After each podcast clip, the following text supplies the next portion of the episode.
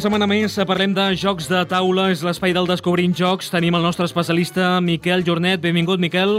Bon dia, Jordi. Avui parlarem d'un altre Miquel, Miguel Estrogoff. Sí, sí. És el joc de taula que ens recomanes avui. Una novetat, sí, sí, ens ha arribat gràcies a... Calent, calent, eh? Sí, sí. Eh, I serem dels primers eh, podcasts que igual parlem d'aquest joc. Eh, I bueno, ja, ja s'ha vist alguna ressenya en vídeo i tal, però, però sí, sí, l'hem pogut provar i fa, fa bona pinta, la veritat. Doncs és un joc que edita De Beer, parlem de l'autor, Sí, és l'Alberto Corral. l'artista gràfic, És Pedro Soto, l'editorial ja l'hem dit, que és De Beer, número de jugadors. d'un a cinc jugadors. Si podem jugar en solitari, Sí, es sí, juga sí. bé? Ens ho explicaràs després. L'he provat i sí, sí, sí, funciona. Edat recomanable, A partir de 12 anys, temps de partida, 50-60 minuts, depenent del número de jugadors. Amb, amb un jugador fins i tot pots acabar jugant amb mitja hora, mm, 40 minuts, però amb més jugadors igual sí que se't dispara una mica més d'una hora. Quines mecàniques utilitzarem en aquest joc de Miguel Estrogoff? Doncs mira, és eminentment un joc que és una cursa, has de fer gestió de mà, tens també set collection i el que es diu també eh, es prem la teva sort, que en anglès li diuen push your luck, de, de forçar la teva sort. El preu? Eh, aproximadament 28 euros, aproximadament. Està bé. Sí. A qui agradarà aquest joc?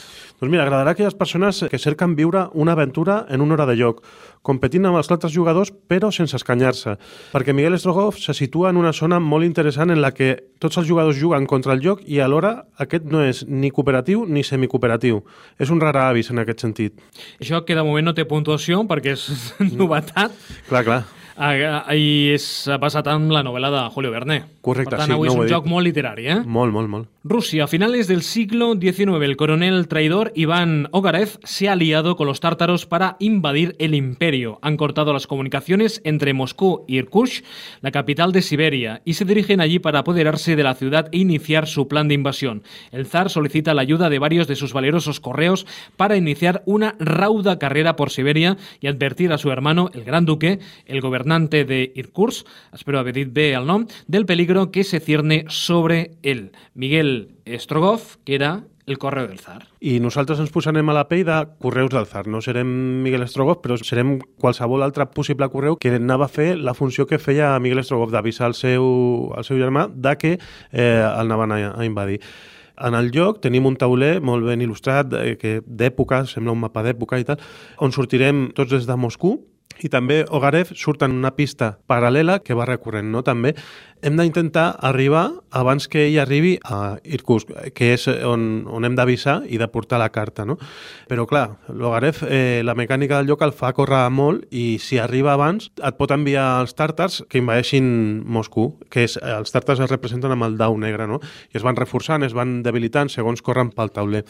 És un joc molt de mecànica de cartes i també és el que es diu un solitari multijugador, però és força agradable jugar-ho, eh, com un Dominion, per exemple, que és, eh, i la gent li pot dir, doncs no hi ha interacció, clar, no putelles el- els altres correus del Zar perquè tots teniu la mateixa missió, però realment sí que estàs bastant pressionat per la velocitat d'aquest del Logarev, no? que té com aliats els perills que, que et poden sortir en les diferents zones que hi ha al tauler que has de travessar, que és la Rússia continental, els Urals, on hi ha perills que són una mica més difícils, no? Sibèria, Toms, que és on tenen la base els tàrtars, i després arriba a Irkutsk, i allà tens un enfrontament final amb Ogarev. Allí ha arribat a a Irkutsk o s'hagi quedat una mica abans.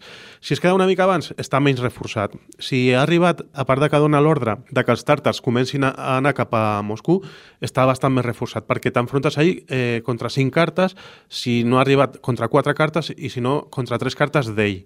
El que sí que veiem aquí són el joc que porta doncs, aquestes cartes i aquí hi ha unes, unes cartes, és el, és el correu, eh? Clar, són les cartes d'acció, venen segellades amb, amb la lacra aquesta que es posava. Penso que està molt ben presentat el joc. Bueno, és, és Pedro Soto, que és eh, un dels tops eh, dels il·lustradors d'aquí espanyols. Ha trigat temps en, en il·lustrar-ho, però la veritat és que s'agraeix molt. Sí que li notes similituds amb, amb altres jocs que ha fet el Pedro Soto, i aquest és un joc que és de cursa, i et recordar pues, altres jocs que ha fet Pedro Soto també de cursa, i dius, ostres, pues, els compares i, i, bueno, a mi el que més m'agrada ara mateix és aquest, l'Estrogov, perquè es pot jugar en solitari, per exemple, perquè el pots jugar fins a 5 persones, és bastant plaent i té això que deia que quan arribes allà t'has d'enfrontar l'Ogarev més o menys reforçat i té aquesta pinta de jefe final dels videojocs, no? que arribes a, a l'última última pantalla i l'has de derrotar per passar-te el joc. No? Pues, eh... Estaven en ganes de jugar, eh? de fer una partida. Eh? Sí, Aquí pues... tenim el temps que tenim, eh? només tenim per Exacte. explicar el joc. Sí, sí. Uh, Miguel Estrogov, uh, basat en la novel·la de Julio Verne, un joc d'Alberto Corral, que és novetat, novetat, novetat. Eh? Sí, sí, sí, sí. És que, bueno, eh, devia haver enviat a diferents ressenyadors, ens ha enviat una a nosaltres i està per sortir la setmana que ve. Eh, han fet edició en anglès i és una de les novetats bastant esperades eh, fins i tot per ressenyadors estrangers com és el Tom Basel està a la seva llista dels jocs d'Essen, del Festival d'Essen, que ell vol veure. Sé que no és el mateix eh, jugar amb cinc jugadors que jugar en solitari, però està bé que també els creadors de jocs pensin en jocs de taula on es puguin jugar diverses persones però que també pugui jugar un de sol. Eh? No és el mateix, però no. com a mínim que puguis agafar el joc i puguis jugar està bé. Però quan tu jugues eh, en solitari ja el pots provar per després ensenyar-ho a més gent i això està molt bé. I a part, aquest joc, el que té, la versió en solitari canvia molt poquetes coses de la versió per molts jugadors, que això també és d'agrair, perquè moltes vegades les versions en solitari has de fer moltes adaptacions, treu cartes d'aquí, treu... no, no, aquí l'únic que has de fer és girar la carta de Sangarra i ja pots començar, no, no canvia res més que una partida de més jugadors. Doncs Miquel, aquest és el joc que ens proposes en el dia d'avui. Quina música relacionada tindrem? Doncs mira... Té eh... molta relació o com a vegades... Moltíssima. Es va fer una sèrie, eh, una sèrie francesa el 1975 de Miguel Strogoff justament. Ja estava... tenia un any quan sí, la van fer. Estava coproduïda per França, Àustria, Suïssa, Alemanya Occidental, o sigui... De... Tu no havies nascut encara? No, no, i encara hi havia l'Alemanya separada. Hongria i Itàlia, i era la de Miguel Strogoff i és del compositor Vladimir Kosma. És això que sentim que, que ens porta a l'aventura, no? L'Alemanya separada va estar fins a finals sí, sí, dels 80, sí. principis dels 90, sí, sí, eh? ja però que nosaltres... ara sobta dir l'Alemanya occidental, no? De, dius, ja m'afaitava, eh? Sí.